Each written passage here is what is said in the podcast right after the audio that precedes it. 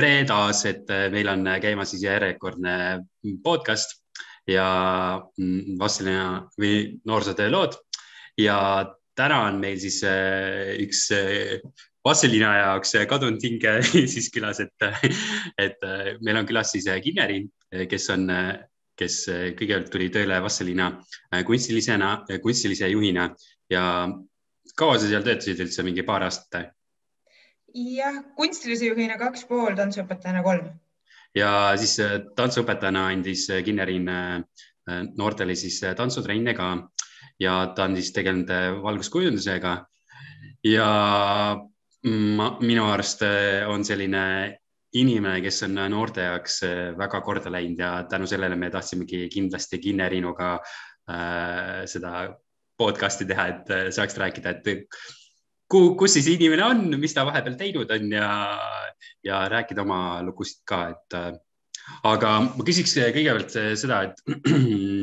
et kuidas sinu üldse selline tantsimise asi pihta on hakanud, et, et sa andsid noortele tantsutrenne, aga kuidas sinu enda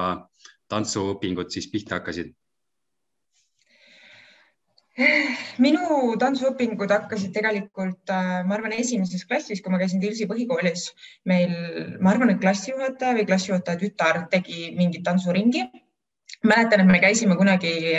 nii-öelda läksime Tilsis, no esimene klass ikkagi läksime Lätti esinema ja, ja kuna me seal esinemas käisime, siis selle esinemise pärast oli nagu nii tore, et ma tahan veel. ja siis me kolisime ära, läksime siis äh, Kanepi kanti kolisime, läksin Kanepi gümnaasiumisse ja seal oli nii-öelda Andre Laine juhendamisel siis väga nii-öelda tasemel tantsurühmad, siis ma liitusin äh, nendega, tantsisin seal, ütleme ausalt, ega ma just väga hea ei olnud, showtants ei olnud just väga minu teema, ma olin alati see, kes oli seal tagumises reas, keda ära peideti, onju ja, ja siis mingi hetk äh, Andre läks ära ja tuli asemele Ester Tamm. Ja siis, kui Ester hakkas nii-öelda meile tantsu õpetama, mis oli siis äh, pigem kaasaegne tants ja loovtants, siis ma nagu tundsin, et, äh, et see on nagu täiesti minu teema, ma teen seda nagu südamega, ma tahan seda teha ja, ja tema nagu innustas kuidagi, et ütleme ja taseme mõttes ka, et kui ma ennem olin ikkagi ütleme päris, päris kohutav, siis temaga ma hakkasin nagu reaalselt äh, liikumise mõttes nagu arenema ja ma sain aru, et see on nagu, see on nagu minu asi tahan seda teha. aga noh, siis oligi see, et siis äh, ma terve põhikooli aja tantsisin Esteriga ja siis ma tuli, läksin Noarotsi gümnaasiumisse ja kui ma gümnaasiumis olin, siis otseselt äh, ma käisin nii-öelda ise saalis üksi tantsimas kõigepealt, siis hakkasin iluvõimlemas käima äh, ja siis äh, sealt ma nii-öelda natukene selles mõttes sellega nagu põhimõtteliselt võib öelda, et ma ikkagi kolm aastat tantsuga ei tegelenud, sellel ajal tegelesin ma rohkem siis näidendite, muusikalidega ja siis peale gümnaasiumi, kui ma mõtlesin, mida edasi teha, siis tuli ikkagi tants selles mõttes, et siis ma läksin Viljandi Kultuuriakadeemiasse tantsukunsti õppima. ja sealt omakorda jõudsin juba Vastseliina seega ehk siis, ehk siis Viljandi on olnud eh, siis see koht, kus sa oled õppinud eh, teisi õpetama, jah äh,? ma tegelikult isegi jah, selles mõttes kindlasti, aga kuna ma ei ole Viljandit lõpetanud, selles mõttes minu õpingud jäid pooleli äh, minu tervisliku seisundi pärast ja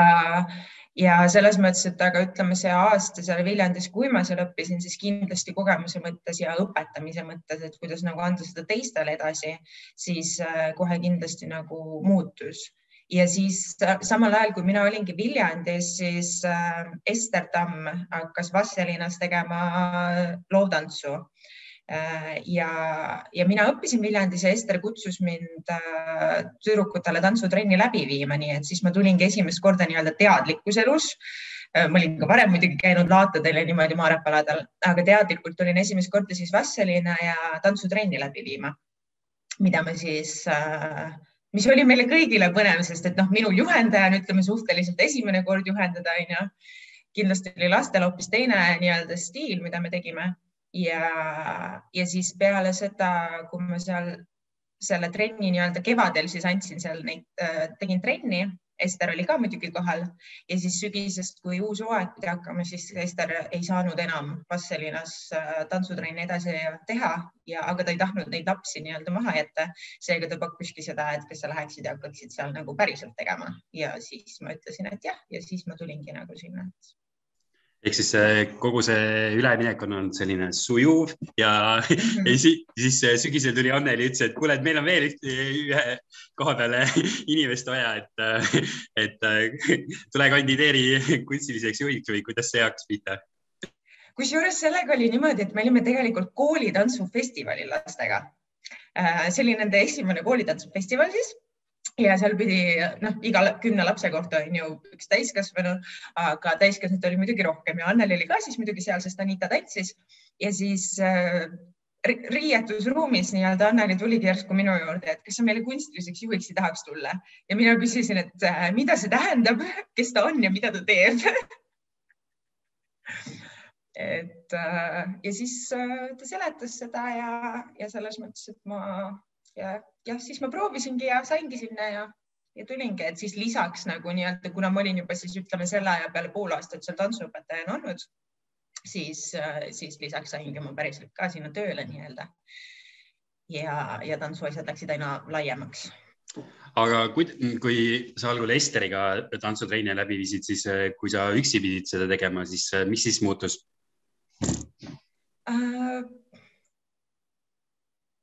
Ma arvan, et esialgu just see alustamine on vaata kõik, kõigi jaoks nii-öelda kõige raskem, et olla nagu üksi juhendajana seal ees. Äh, eelkõige ongi see, et noh, et ütleme, kui ma alustasin, siis ma reaalselt nagu nii-öelda ettevalmistustunnid olid need, mida ma pidin nagu tõesti kodus tegema, et kuidas ma nagu noorte ja lastega suhtlen,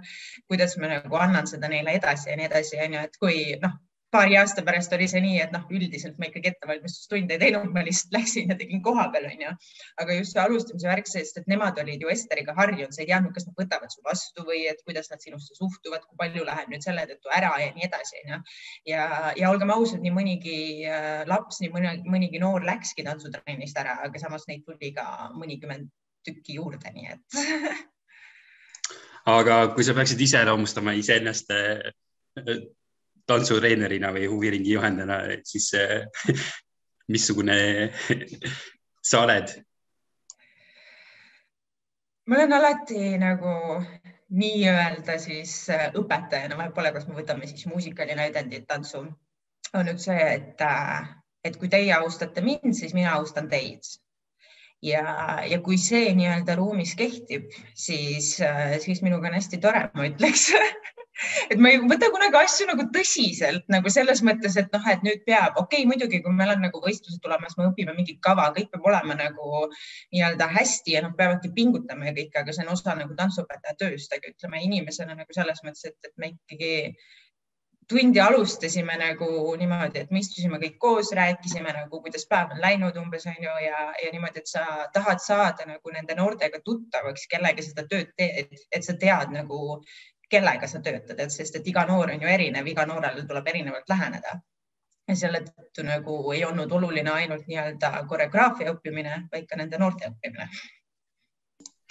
sest äh, mina tajusin seda, et äh, kui ma korraks oma tütrega viisin, et, et äh, sa tegidki oma asja hästi tõsiselt ja selles mõttes, et, et sa ei tahtnud, et keegi tuleb sinna niisama lolli mängima või, või nagu aega surnuks lööma, et nad päriselt midagi saaksid ka, et, et see oli nagu äge. Ja samas see kontakt, mis sa noortega said, see on äh, ka nagu võimas, et et selles mõttes ma arvan, et sellepärast sinul on endiselt Vassilas päris palju neid, kes sind hea sõnaga meenutavad ja mäletavad ja kui sa Vassilina tuled, siis nad tahavad sinuga koos olla. et, et see on nagu äge olnud. aga kuidas siis see muusikali asi üldse pihta hakkas? muusikaliga oli tegelikult niimoodi, et kõigepealt ma tahtsin üldse teha näidendit äh, nii-öelda lihtsalt ja ja noortekasse ja kooli sai pandud nii-öelda hooaja alguses need plakatid üles, et alustame näiteringiga Vassilina rahvamees. ja sinna tuli kohale kolm noort, need kõik olid poisid kusjuures, mis oli nagu väga üllatav. Ja, ja see oli kõik. Ja siis me nagu hakkasime nendega, et noh, mis ma nende kolmega teen, mul oli Noarootsi ajast üks Tšernobõliga seotud näidend. Ja siis me hakkasime vaikselt nagu sellega tegelema, aga noh, nad olid kolmekesi, kolm teismelist noort onju ja noh, üsna ruttu see nagu kadus ära. aga noh, soov seda teha oli sellegipoolest, ma mõtlesin, et okei okay,, et noh, kuna nad on noored, eks ole, et me paneme plakati üles, keegi ei tule sul sinna kohale siis ma võtsin äh, kõigepealt äh, ERMO-ga ühendust et kuna Ermo töötas meil majas, on ju, saime hästi läbi ja rääkisimegi sellest, et teeks hoopis muusikali, et Ermo võtaks siis selle nii-öelda muusikalise juhi koha, kuna mina nii-öelda äh, Äh, muusikast, ütleme sõna otseses mõttes mitte kui midagi ei tea, peale selle, et ma nagu kogu aeg kuulan muusikat siis Ermo oli sellega nõus ja siis tekkis nagu see, et aga kuidas me need noored siis sinna saame. noh, siis me käisime muusikakoolis Viivika juures, kes äh, siis nii-öelda muusikakooli nimekirjast andis nagu äh, noori, kes tegelevad laulmisega siis näitlemise poole siis osad, kes juba käisid mul nii-öelda tantsutrennides, selle aja peal oli siis juba tantsutrennides nagu nii-öelda see arv oli kolmekordistunud, kui nagu alustades. ja, ja siis, ja siis oli ikka seesama probleem, et aga kuidas neid sinna saada, sest me nägime ju, et esimese korraga nad ei tulnud. ja siis, kuna muusika oli nii-öelda tekst oli valmis juba, mõte oli valmis, esimese muusikali oma, siis me tegimegi niimoodi, et äh, me tegime paberilipakad, kus oli peal siis nagu muusikalist võetud mingisugune tekst, et umbes, et äh, ma ei tea mm,, Regina vihkab äh, Mari, on ju, et äh, kui sa tahad teada, miks, tule sellel kellaajal Rahvamajja, on ju, ja räägime asjast lähemalt. ja siis me juba andsime need nii-öelda need paberilipakad nii-öelda valitud inimestele, kellega, siis noh, huvijuhi ja kooliga ja siis muusikakooliga olime nagu koos vaadanud, et kes võiks nagu huvitatud olla, pluss siis nagu tantsulastest ja siis me andsime need äh, nii-öelda lipakad neile, siis läks jutt lahti, et mis toimub ka minu käest küsiti, minul oli kogu aeg see, et ei, ma ei ütle enam midagi, et ma ei tea mitte midagi, kui te tulete Rahvamajja ja siis nad tulid sinna kokku, siis me rääkisime neile sellest ideest. siis alguses, kes meil oli peaosasse näiteks valitud ja nii edasi, nemad nagu ütlesid, et nad ei tule ja, aga teised jäid nii-öelda alles ja siis äh, hakkasime sellega vaikselt töötama, et nagu läheneda tuli hoopis teisiti kui see, et lihtsalt paneme plakati üles ja nüüd nad tulevad kohale et tegu oli siis ikkagi eestlastega, et, et algul ei saa vedama ja pärast ei saa pidama ja et mm,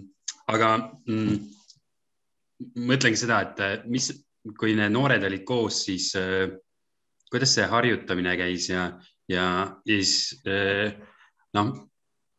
ma hästi korraks nagu Ermo käest küsisin seda, et et kuidas muusikalilugude tegemine on, aga, aga ma ütlen just, et see, et kuidas see harjutamine oli ja kuidas, kuidas, kuidas siis need lood sündisid? no seal on selles mõttes, et, et nagu kuna meil oli tegelikult ju kaks muusikali, et äh, esimene oli nii-öelda äh, Disney filmist järgi tegemine ja teine oli siis täielikult omalooming. et võib-olla ma siis räägin natuke rohkem selles mõttes sellest omaloomingust, kuna seal oli ka kõik laulud ise kirjutatud Ermo poolt siis, et äh, aga ma, ma segan sind korra, et, et, et võib-olla siis enne seda räägime seda, et miks see teine muusikal üldse pihta hakkas, et äh, sest mm,, sest esimene tegi, te, tegite ära ja siis oli tegelikult äh, selline edulugu, ütleme niimoodi, Vastseliina äh, puhul, et aga, aga kuidas teine muusikal siis pihta hakkas üldse või kus te otsustasite, et nüüd teeme uuesti? Tegelikult oligi esimesega oli ju selline lugu, et kuna nad hakkasid siis äh,, noored hakkasid rahvamajas käima, siis koolis ikka sealt tuli äh, nii-öelda ütleme, kuidas me ütleme, natukene negatiivset tagasisidet ja kõike, et umbes, et mida te käite ja teete seal ja, ja nii edasi. ja, ja kõige enam mäletan kusjuures esimese muusika puhul, muusikali puhul seda, et äh, Jorma, kes meil mängis äh, trummi ta ei tahtnud seal üldse olla, nagu üldse mitte. ja, aga Ermo trummiõpetajana see oli talle siis kohustuslik, tal ei olnud nagu valikut ja, ja siis äh, Jorma ema rääkis sellest minuga, kuidas ta üldse ei taha seal olla ja nii edasi ja siis, aga ta ikkagi jäi sinna, kuna see oli talle kohustuslik. siis me tegime nagu ikka proove, kõigepealt tekstiproovid, siis lauluproovid, siis panime kaks asja kokku ja niimoodi see läks ja siis äh, enne muusika, esimese muusikali nii-öelda esilinastust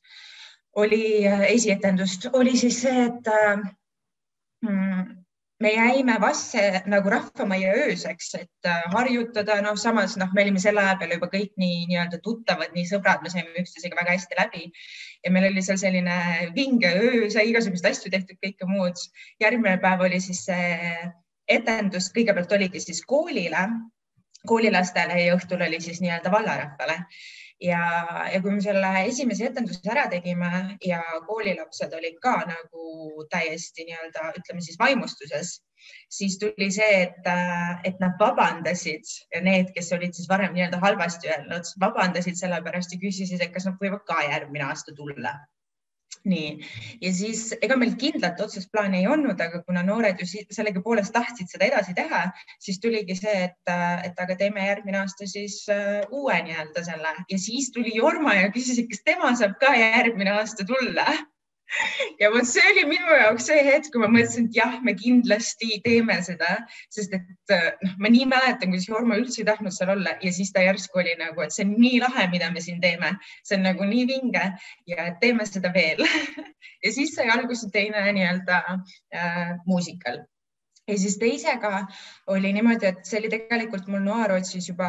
etendatud näidend, mille me kirjutasime ümber muusikaliks, võtsime sealt hästi palju osasid ära panime juurde.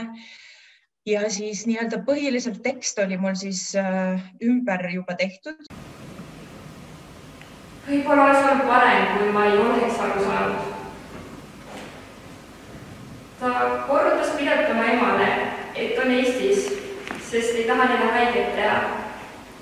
ja ta ütles, et ta on õnnelik seal, kus ta on. lõpetuseks ütles ta et see on ravimatu.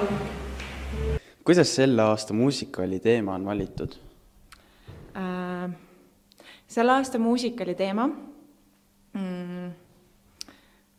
see on tegelikult selline pikk jutt, aga ma üritan siis seda lühikeselt kokku võtta, et et see oli kunagi näidend ja kuna see on minule hästi nagu südamelähedane teema, see on äh, kirjutatud äh, üheteistkümnendas klassis ja me käisime selle näidendiga kooliteatrite festivalil, meil läks seal väga hästi Noorotsi gümnaasiumiga. ja siis äh, mõtlesime, et, et muusikal ei pea olema alati ainult lõbu, selles mõttes, selles muusikal on hästi palju nagu nalja ka, aga selles mõttes, et muusikal võib anda edasi midagi, et nagu inimesed jäävad sellele mõtlema, et äh, et tõesti, see on ju õige, mida nad räägivad ja, ja siis ma kirjutasingi ümber näidendi, kirjutasin ümber muusikaliks ja siis Ermo Talvik kirjutas sinna juurde laulud. mida see muusikali pealkiri tähendab, varjude tagant homsesse ei astu kõik hmm.? ma arvan, et selle võiks jätta saladuseks, et kui tulla kohale, siis te saate aru, mida see pealkiri tähendab, aga sellel pealkirjal on väga oluline tähendus selles muusikalis. muusikali käigus teevad noored musi, kas nad harjutavad seda ka huviringis? jaa, tõesti, see on tõsi, noored teevad äh, muusika ajal lava peal musi. Äh, see ei ole sunniviisiline Nad on omavahel paaris, seega see ei ole nende jaoks raske. Äh, muusikali proovides siiamaani nad ei ole seda kordagi teinud, eks see jääb enne etendust peaproovi, et, et me ei harjuta seda igapäevaselt sinna oleks vaja, sinna ole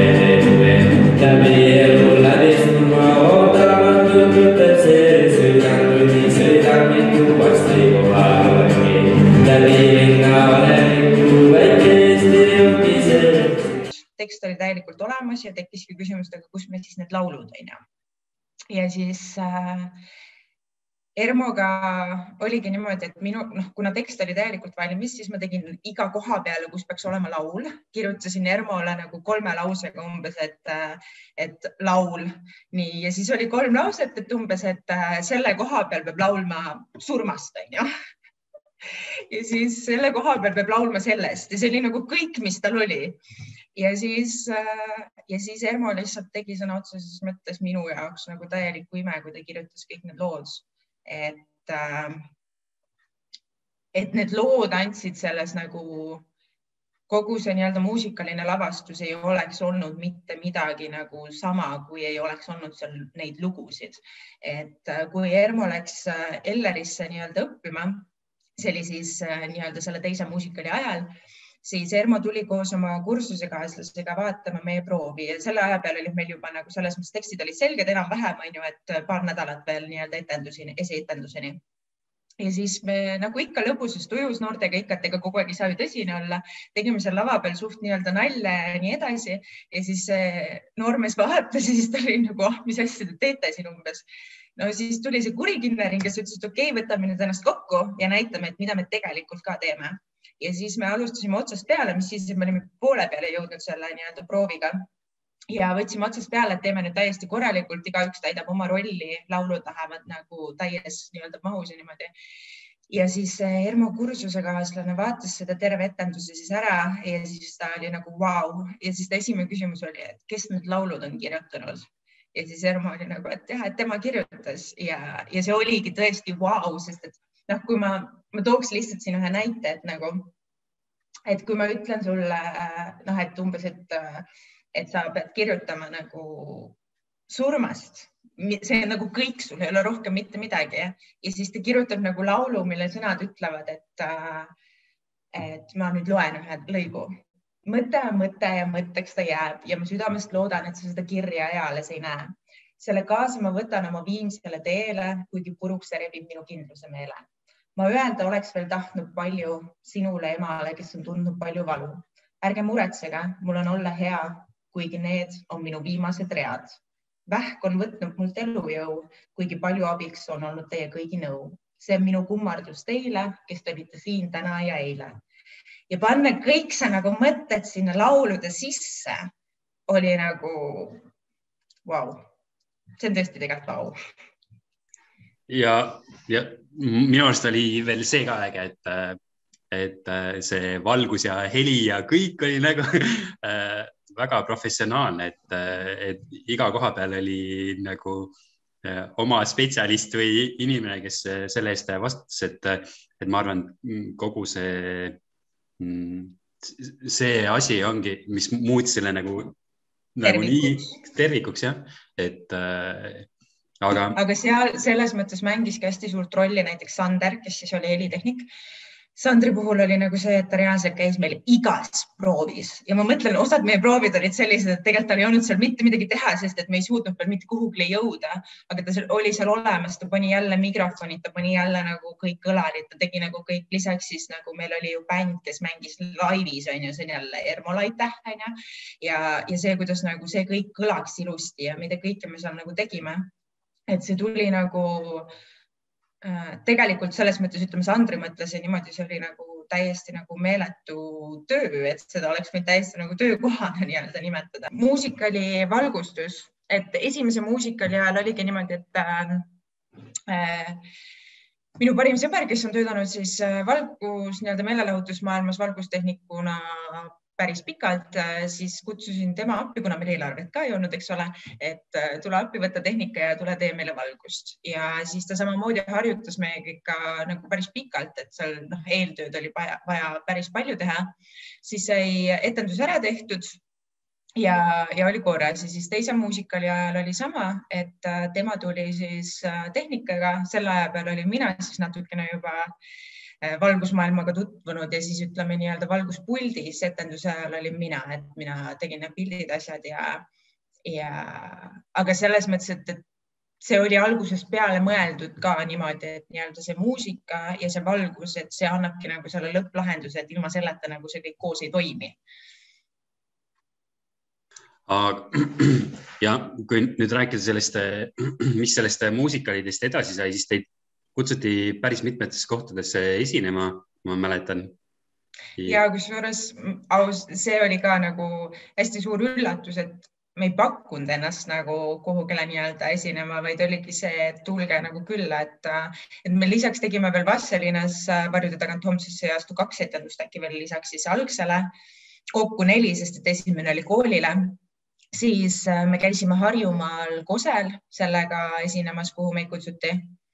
ja, ja siis äh, hiljem käisime Võrumaal Varstus. mis te veel tegite, oli minu arust see, et käisite pärast muusikali äh, reisidel ka, jah? ja see oli äh, nii-öelda äh, esimest korda tegelikult me käisime tantsulastega äh, esimesel aastal nii-öelda ja siis, kui tuligi muusikali juurde, siis äh, me käisime koos ja kindlasti kõige nagu meie Läti reis, me käisime siis Liepajas, mis on siis Läti nagu täiesti teises otsas. Ja, ja käisime seal. Tegime erinevaid põnevaid asju, jäime, me olime päris mitu ööd ikkagi seal, telkisime ja, ja mere ääres. Ja hästi tore oli meil. Ja, ja see on, need ongi need hetked, mis nagu, kui sa saadki nende noortega nagu, sa saadki neid tundma ja nagu tead, kuidas neile läheneda ja kõik see muu, et, et kindlasti annab see nagu hästi palju juurde sellele, et kui sa nendega nagu töötad, et see hilisem nii-öelda, kuidas ma ütlen, et näiteks kui meil oli teine mm, muusikal, siis üks kooliõpetaja oli nagu, et Mariann mängis siis äh, ühte nii-öelda peaosa teksti poole pealt ilma lauludeta ja siis äh, ja siis õpetaja oli nagu, kes see seal lava peal on, mitte ta nagu, ta nägi, et see on Mariann, aga ta ei tundnud teda nagu nii-öelda isikuliselt ära, et nagu, et äh, et noh, tema arvates ta oli nii palju nagu sellega arenenud ja kõike, et äh, see, kuidas ta nagu julgelt seal laval nagu teeb seda, et äh, sama ma ütleks näiteks Kärdi kohta, et, et ma, kui tema esimeses muusikalis siis peaosas oli, siis äh, natukene kardeti seda, et Kärt on laulnud alati nii-öelda, ta on koorilaulja, mitte nagu soololaulja. ja kui see esimene muusikal läbi sai, siis Viivika tuli ja ta oli nagu täiesti uskumatu, et ta poleks elus seda nagu uskunud, et aga nagu see, et noh, nii-öelda anda võimalus inimesele ja ta saab sellega suurepäraselt tegelikult hakkama minu jaoks kogu see protsess on ka olnud selline piiride ületamine, mulle meeldib ise ka teha selliseid asju, mis äh, paneb lapsevanemaid või neid noori ise nagu või siis isegi huviringi juhendajad või, või mind en, en, ennast nagu äh, imestavad, kas me päriselt suutsime midagi sellist ära teha, et me ei tee midagi lihtsat, vaid me teemegi midagi sellist äh, keerulist, mida ei ole lihtne teha ja kus iga nagu detail on hästi oluline ja, ja, ja see ongi nagu ja siis, kui sa ära teed, siis sa ise ka imestad, vau, kas me päriselt tegime selle ära et, et see on nagu minu jaoks tähendabki muusikal Vastselinas seda, et see on nagu kõik on andnud nagu endast väga palju ja see on nagu sellele kogukonnale ja noortele eh, nii palju juurde andnud, et seal hästi erinevad inimeste äh, nagu toimetasid koos ja et see oli nagu selline äge. aga mis sina nendest äh, kahe muusikali tegemise protsessist iseenda jaoks oled saanud? See on nii raske küsimus, kõike et nendega võib-olla nagu kõige suurem asi on nagu see, et ongi see, et kuidas sa nägid seda nagu noorte arengut, kes laulmise poolest, kes teksti poolest. Äh, Priit näiteks, issand jumal, ta, ta esimeses muusikalis pidi mängima kitarri, aga ta imiteeris kitarri mängimist, sest ta ei osanud ja teises muusikalis mängis ta ise täielikult kitarri, sest et ta võttis omale eesmärgiks, et ta peab nüüd selle selgeks saama ja sellised väikesed asjad nagu panevadki sind mõtlema, et sa teed nagu õiget asja, et äh, sa mõjutad nagu midagi. kindlasti noored ise nagu, kuna nemad olid nagu, saa öelda olid, siiamaani on minu jaoks suhteliselt kõik, eks ole siis äh, nemad pingutasid ja panid sellesse nagu nii palju, et äh, seda oli nagu igapäevaselt äh, näha, kuidas nad nagu reaalselt tahtsid seal olla, nad tahtsid sinna tulla, nad pingutasid selle nimel, et see saaks nagu valmis ja, ja kui ähm, Äh, Äh, peale esimest muusikali oli näiteks niimoodi, et noored kirjutasid mulle laulu.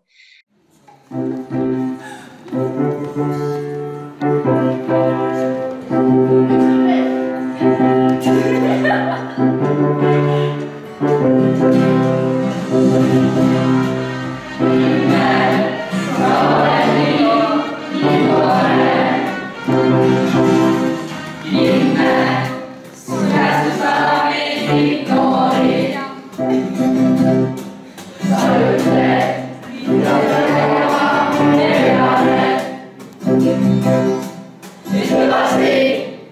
vaikselt, kes on siis tahes.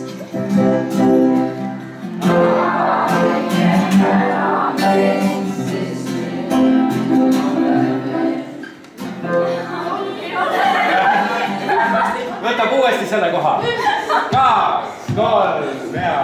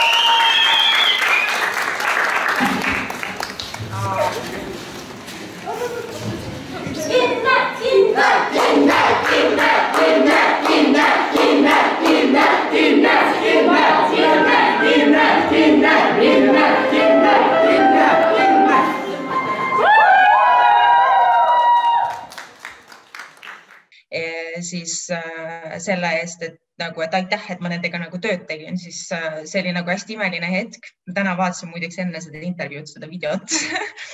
ja siis äh, ja siis see oli hästi eriline hetk, aga samas minul oli nagu see, et aga mina tahaks neile kõigile nagu, sest nad tegid nagu nii meeletu töö sellega, et mina lihtsalt võib-olla ajasin selle pundi kokku ja me hakkasime nagu nii-öelda seda tegema, aga töö tegid ju nemad ise, eks ole ja teise nii-öelda muusikaliga oli siis see tagasiside ehk siis kuna see oli selline teema, millest nagu Eesti ühiskonnas ei räägita absoluutselt, surm on nagu teema, mida me tegelikult nii-öelda väldime, kui kellelgi keegi ära sureb, siis noh, vabandust, nii on lihtsalt, et nagu sa ütled küll, et tunnen kaasa, aga see, mida see inimese jaoks tegelikult tähendab, kelle lähedane nagu ära sureb, seda teemat ei käsitleta. Ja kuna see oligi selline, ütleme hästi valus teema, see pani mõtlema selle peale, kuidas äh,, kuidas me peaksime hindama seda, mis meil iga päev on, et meil on iga päev, mul on sõbrad, kellele ma saan helistada iga päev, kui mul on muresid, on ju, mul on sõbrad, kes mind aitavad ja nii edasi ja nii edasi, aga me ei hinda seda, me hindame seda siis, kui inimene on alles läinud. ja, ja siis, kui see esimene või see teine nii-öelda muusikal siis äh, esietendus läbi sai, siis noored ise kõigepealt oli see, et mul oligi nagu mingites kohtades, et üritage nagu lava peal nutma hakata ja niimoodi, et sest et see peab olema realistlik, eks ole.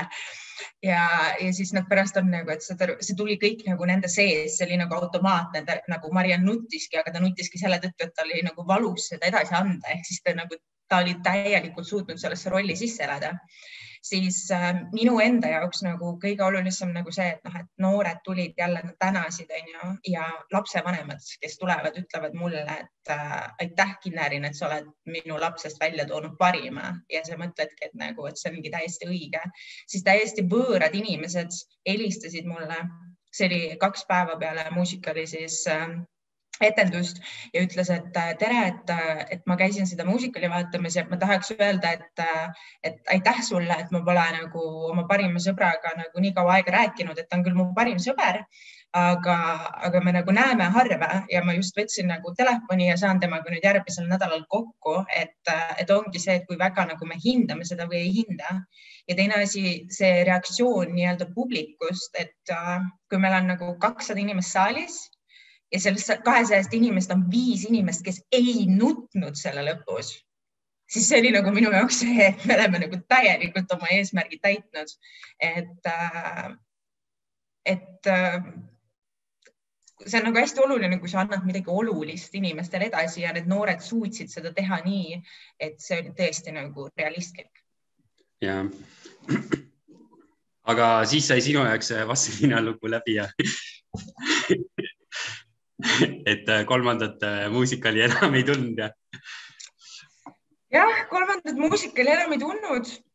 selles mõttes, et äh, tegelikult sai see otsus nagu väga raskelt vastu võetud selles mõttes, et äh, ma mäletan, kui ma rääkisin sellest noortele ja ma ei suutnud nagu võtta seda õiget nagu hetke, et äh, kuna neile öelda ja see oli seesama, et me olime Lätis siis äh, reisil äh, noortega Äh, ja me sõitsime tagasi ja enne Vassilina jõudis, ma teadsin, et ma ei suuda nagu selles mõttes neile kuidagi nagu, siis ma olin seal bussis, võtsin bussis selle mikrofoni ja ütlesin neile, et ma nüüd äh,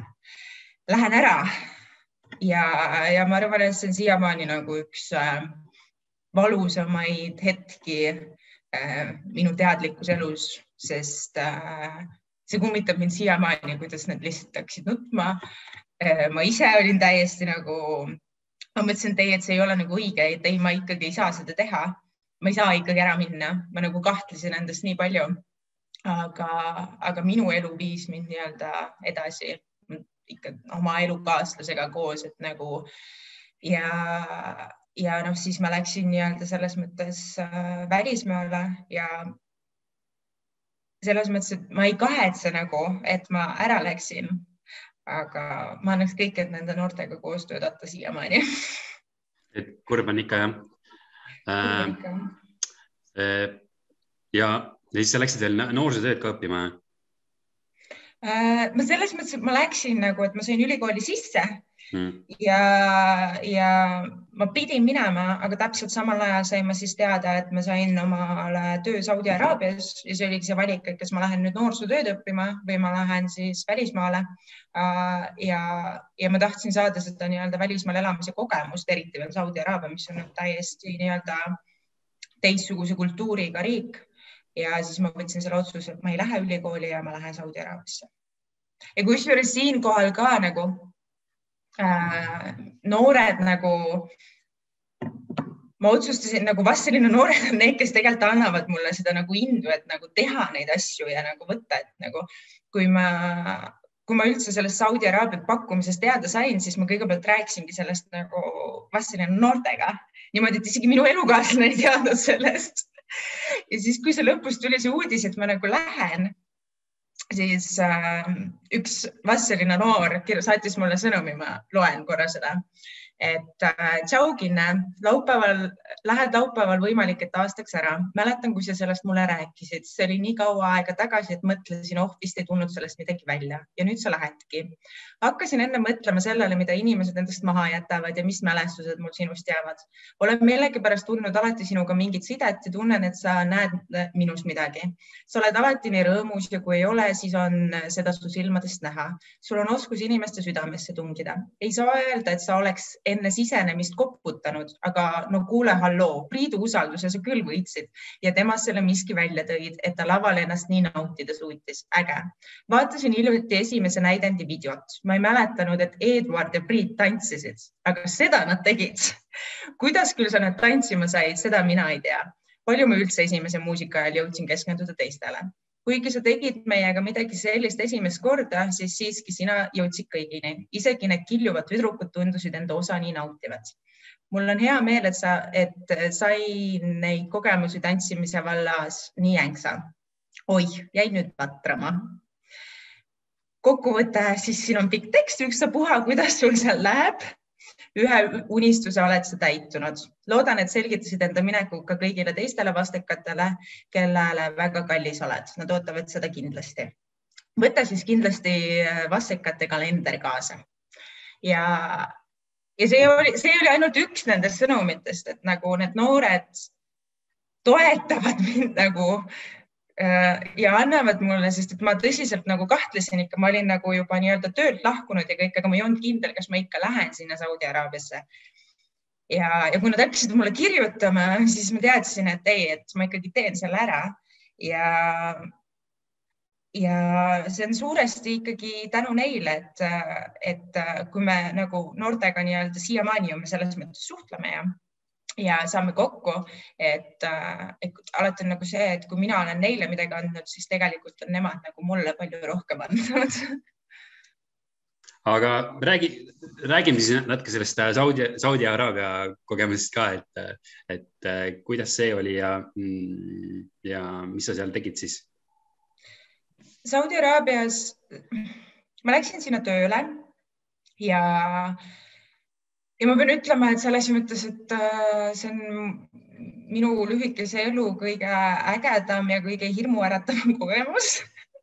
Et äh, kuna sellel ajal, kui mina Saudi Araabiasse läksin, oli veel Saudi Araabia nii-öelda lukus riik ehk siis sinna ei saanud nii-öelda turismiviisaga. Ja ja nüüdseks on muideks seda muudetud, see on juba aasta aega siis nii-öelda lahtine riik olnud ja, ja elu seal on ikkagi hoopis teine, et äh, just nimelt olla naisena Saudi Araabias, kus nii-öelda kantakse siis abajad, see on selline must rüü äh,, katad oma pea, onju, sa pead täpselt teadma, mida sa teed, sa ei tohi meestega koos tänaval kõndida, nii edasi, nii edasi ja nii edasi, onju. et ütleme nii, et tulles siit kogukonnast, kus nagu kõik on hästi kokkuhoidvad ja niimoodi, siis äh, hästi raske oli alguses nagu sellest kultuurist nii-öelda aru saada, et mida sa võid teha ja mida sa ei või teha. Ja siis äh, aga ma pean ausalt ütlema, et nagu araablased on kindlasti nagu ühed sõbralikumad inimesed nagu üldse. see, et nagu noh, ütleme nagu vast selline kogukond, et sa oled nagu kogukonna osa, sind võetakse nagu vastu ja sa kuulud sinna. et hästi palju nagu meenutas see seda, sest et nemad nagu ka, nad võtavad äh, hästi nagu lahkelt inimesi vastu, nad suhtuvad sinust hästi lahkelt. ja siis oma põhitöö kõrvalt hakkasin, ma leidsin siis äh,, ma elasin Riyadis ehk siis Saudi Araabia pealinnas ja siis ma leidsin seal ühe valgustehnikaga tegeleva firma ja siis ma hakkasin nende juures veel siis nii-öelda töövälisel ajal käima õppima nii-öelda veel valgust ja tegema nendega koos erinevaid asju. et ja see, kuidas mind seal ka vastu võeti, et nagu täiesti, kuna seal on kõik mehed teevad selliseid asju, kuna naised ei tee siis äh, ütleme niimoodi päris ausalt hirmuäratav oli esimest korda minna naisena, et kuidas sa lähed, et kas see on üldse õige, kas sa võid ja nii edasi. aga, aga noh, nii-öelda seal see maailm aina rohkem muutub selle poole, et noh, nagu näiteks naised said juhtimisõiguse, mida Saudi Araabia oli viimane riik, kus naised ei tohtinud autoga sõita varem, onju, ja nüüd nad võivad. et, et kõik see on hästi nagu teistmoodi ja siis ütleme nii, et suhteliselt raskeid hetki oli mul seal ja, ja siis olid vast selline noored need, kes mind nagu täiega elus hoidsid. et Priit saatis mulle mingeid lauluvideosid kitarriga õhtul öösel kell kolm öösel, laulis nagu kitarriga ja salvestas, kirjutab, et tal vanemad magavad, aga et umbes, et mind innustada ja siis ta saatis mulle neid videosid, siis noored kirjutasid, helistasid ja, ja see nagu aitas mul nagu nii-öelda ütleme selle kultuurišokiga, selle igatsusega nagu iseendaga nii-öelda toime tulla hästi palju. et äh.... jah, ja kui ma mõtlen selle, selle Saudi Araabia peale, siis äh, ma arvan, mehena on äh, sinna nagu nii palju lihtsam minna kui naisena, et, et äh, see, see hästi suur selline pauk arvates oligi, et, et tegelikult naised seal ei tohigi väga midagi teha, et mõtlen seda, et sina pidid ka siis seda mm, seda pea kaetud olema või? selles mõttes, et, et alguses ma küll tegin seda, aga ei, kuna see riik nii-öelda liigub järjest rohkem, ütleme nii-öelda äh, nad arenevad iga päevaga järjest rohkem ja seda oli seal ka iga päevaga näha, siis äh, mingi hetk oligi see, et välismaalased naised ei pea kandma seda rätti, mis äh, ja siis me ei teinud seda, abaya muidugi alati kogu aeg ja abaya all pikad riided, nii edasi, nii edasi, on ju, ka see ole oluline, mida sa seal all kannad, eks ole. ja, ja pearätt ei kandnud nii kaua, kui ma olin äh, musta peaga. aga kui ma blondeerisin oma pea ära ehk siis läksin tagasi oma loomulikku värvi, siis peale seda mingi hetk hakkasin ma seda rätti rohkem kandma, sest et ma käisin näiteks kaubanduskeskuses ja siis inimesed nagu tulevad, et kas ma võin su juukseid katsuda, vaata ja nagu kogu aeg mingid sellised ja siis sa käisid üksi, näiteks läksin suveniiripoodi, mida muideks ei ole nagu Saudi Araabias üldse ja kui ma lõpuks ühe leidsin, siis seal on nagu kõik nagu tänavad on täis mehi, läksin sinna ja siis kõik nagu noh, täitsa nagu ma ütlen ausalt, et see oli üks hirmuäratav kogemusi. pärast sain pahandada ka, et kuidas ma üldse üksi julgesin minna nagu, aga, aga siis peale seda, kui ma nagu üksi väljas liikusin, siis ma hakkasin küll nagu pearätti, kui ma kellegagi koos liikusin, siis mitte, et sõltuvalt, et nagu selles mõttes blondid juuksed ei tule seal nagu üldse kasuks. Aga mis see kõige-kõige raskem asi siis oli seal Saudi Araabias? Sinu jaoks? mis pani sind nutma vahepeal igatsus mm. aga ei, selles mõttes ma ei saa öelda, et seal oleks midagi nagu nii rasket olnud mm., et äh, igatsus äh, oli võib-olla kõige raskem, et sa nagu äh, ma ei olnud ju kindel nagu mitte milleski, ütleme nii, et elu seal selles mõttes tegelikult on nagu lihtne ja sa harjud ära ja seal ei olnud nagu mitte midagi, noh, lihtsalt sa peadki nagu teadma, teadlik olema, mida sa teed, mida sa ei tee. ja, ja selles mõttes, et see oli nagu super hea kogemus ja iga hetk läheks tagasi aga, aga igatsus on ikkagi see, mida nagu, et see võib-olla, see oli see, mis pani nii-öelda nutma ja just nimelt noorte vastu, et aga siis oligi see noortega rääkimine. Äh, vastavalt, kes oli just üheksandas klassis, rääkisime iga päev ainult inglise keeles selleks, et nagu inglise keele lõpueksam läheks hästi näiteks ja läks ka seega.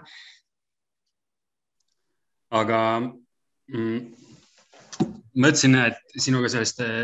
no räägime natuke sellest valgustehnika asjast ka, et kuidas see valguskujunduse asi sinu jaoks alguse sai, et, et kuna sa isegi Saudi Araabias seda tegid ja, ja Vassilinnas täitis see sinu jaoks olulist rolli, et, et kuidas see valguskujunduse asi sinu jaoks alguse sai? minu jaoks sai alguse niimoodi, et äh, minu elukaaslane äh, tegeleb sellega ja, ja kui ta esimese äh, muusikali ajal tuli siis vast selline, et nii-öelda valgust teha, siis see tundus juba nii põnev, oh kui lahe. ja aga ma ei teadnud sellest mitte midagi ja ma ei saanud mitte mm. midagi aru, mida ta teeb. et äh, ja siis äh, peale seda mingitel hetkedel, kuna tema tegeles sellega igapäevaselt, siis ta kutsus mind nagu kaasa mm.. siis ma hakkasin tema kõrvalt õppima nii-öelda, kuidas siis üldse valguspulti nagu, mida sellega teha ja nii edasi. ehk siis ma alustasin tegelikult õppimist täiesti valest otsast, aga, aga ikkagi mingi hetk siis see tundus minu enda jaoks nagu nii põnev, sa said käia erinevates kohtades äh, erinevate bändidega, teha erinevaid asju. hakkas järjest rohkem selgeks saama, siis ma tegingi ise ju teise nii-öelda selle, siis äh, tundus äh, selles mõttes, et see pakkus ka nii-öelda huvi noortele Vastselinas ja siis me tegime ju valgus nii-öelda koolituse huviringi mm -hmm. mingi hetk ja, ja sealt tegelikult ju Kärt läks ka Viljandisse valguskujundust õppima, et ta ütleski, et see tuli tal tegelikult sellest, kuidas meie Villeriga ehk siis minu elukaaslasega rääkisime sellest kogu aeg, et nagu kui põnev see on ja mida me jälle tegime ja nii edasi, et, et ja ma arvan, see Sander on ka sinu lugu, et, et, et see, et Sander mingit heli teeb, noh, see algas arvatavasti küll Vastseliini gümnaasiumist, aga, aga kui ei oleks, ma arvan, muusikali olnud ja ei oleks sind seal vahepeal olnud, et siis, siis nad Joosepiga ei teeks koos võib-olla isegi praegu seda heli ja valgust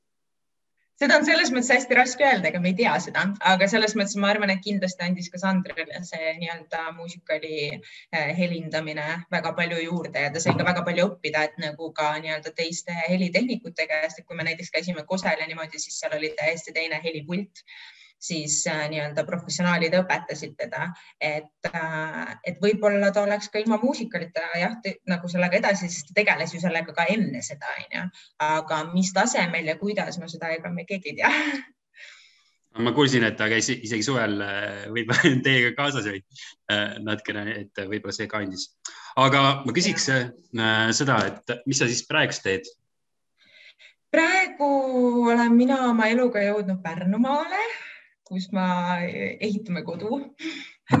Ja, ja ma töötan äh, äh, nii-öelda Rahvamaja kultuurimaja juhatajana. Ja hästi suur eesmärk on äh, siin tahaks hakata tegema muusikali, millega sai algust tehtud? Ja saime isegi tervelt vapustavalt kolm korda kokku. ja siis tuli koroona teine laine ja selles mõttes, et praegu me sellega ei jätka ja ootame nii-öelda sügist, et äh, äkki saaks sügisel jätkata, kuna idee, jälle ma taaskord tahan anda edasi midagi hästi olulist. ja, ja idee on nagu hea äh,. kuidas see siin toimima hakkab, kuidas ma nende noortega hakkan läbi saama, kõik see muu, see on täiesti ei oska ette kujutada ka ja siis tantsuõpetajana oleme siin noh, samamoodi kuna praegu koroona praegu enam ei ole, aga sügisest alustasin lasteaias loovtantsu juhendamist, et suuremaid rühmasid mul ühtegi ei ole, aga,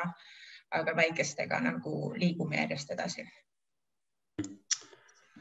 ähm,. sa oled päris palju noortega teinud ja sa oled noorte jaoks korda läinud, et, ähm, et kui siin mõni noor vaatab seda ja, mm, ja sina peaksid talle mingit äh, Äh, soovitusi jagama, et kuidas leida see enda tee või mis on äh, oluline mm,, oluline siis elus, et, et mis, mis mõtteid sa noortele edasi tahaksid anda? ma arvan, et see muusikal ise on juba natukene mingeid vihjeid ja mõtteid edasi andnud, aga, aga mis need sinu lõpumõtted on äh,? ma arvan, et kõige olulisem on see, et äh, et tehke seda, mida süda tahab teha. et äh, kui su süda tahab pilli mängida, siis mängi pilli, kui su süda tahab tantsida, siis tantsi, kui su süda tahab näidelda, siis näitle. et ärge laske ennast mõjutada nii-öelda ühiskonnast, oma sõpradest nagu just nimelt selles mõttes mõjutada, et et äh, võib-olla sa oled ainuke, kes tegeleb äh, torupilli mängimisega, aga sa võidki olla see ainukene, kes tegeleb torupilli mängimisega, et tehke seda, mida teie süda tahab, aga ärge sealjuures unustage, kui oluline on äh, nii-öelda haridus. Ja seda ma ütlen just nimelt enda kogemuse tõttu, et kuna minul jäi ülikool pooleli, siis praegu ma nagu tõsiselt nii-öelda kuidas ma ütlen, see ei tule mulle just väga kasuks. Et selles mõttes, et, et elus peab saama kogemusi, et ma olen väga õnnelik enda nii-öelda selle üle, et ma olin teiega Vastselinas, et me praeguseni nii-öelda suhtleme, et ma käisin välismaal, et mul on praegu oma töö, aga ütleme niimoodi, et minu elu oleks tunduvalt lihtsam, kui mul oleks ka siinjuures haridus. Ja ma arvan, et oluline mõte, mis äh, sina nendele noortele on, on andnud, on ka, et, et tulge proovige mingeid äh, asju ja, ja siis ja. Äh, katsetage oma piire ja siis te avastate, et te suudate tegelikult teha rohkem kui äh, kui te ise arvasite või mida, kui teised arvasid, et, et ei tasu mingit seda piiri endale ette panna, et et, et see on nagu see kindel ka. vot, aga Kinnerin, minul on hästi mõnus see tund aega enam-vähem olnud siin, mis me oleme rääkinud ja, ja see on hästi täis olnud emotsioone ja tore on olnud, et, et aitäh sulle. aitäh sulle ka. jah, ja, ja kordan endiselt seda, et kui, kui noortel või noorsootöötajatel või täiskasvanutel on mingid mõtted, et, et kellega me veel võiksime neid podcast'e teha, siis äh, siis äh, andke kommentaarides teada, kas Youtube'is või Facebookis võib meile kirjutada otse chati ka, et, et me tahame sellist ägedaid lugusid teha, kus me lihtsalt vestleme ja nii rääkijatel on tore kui kuulajatel on tore ja, ja et, et selle podcast'i käigus saab midagi siis äh, iseenda jaoks juurde. ja täna ma sain, nii et äh, aitäh sulle veel kord. aitäh sulle ka.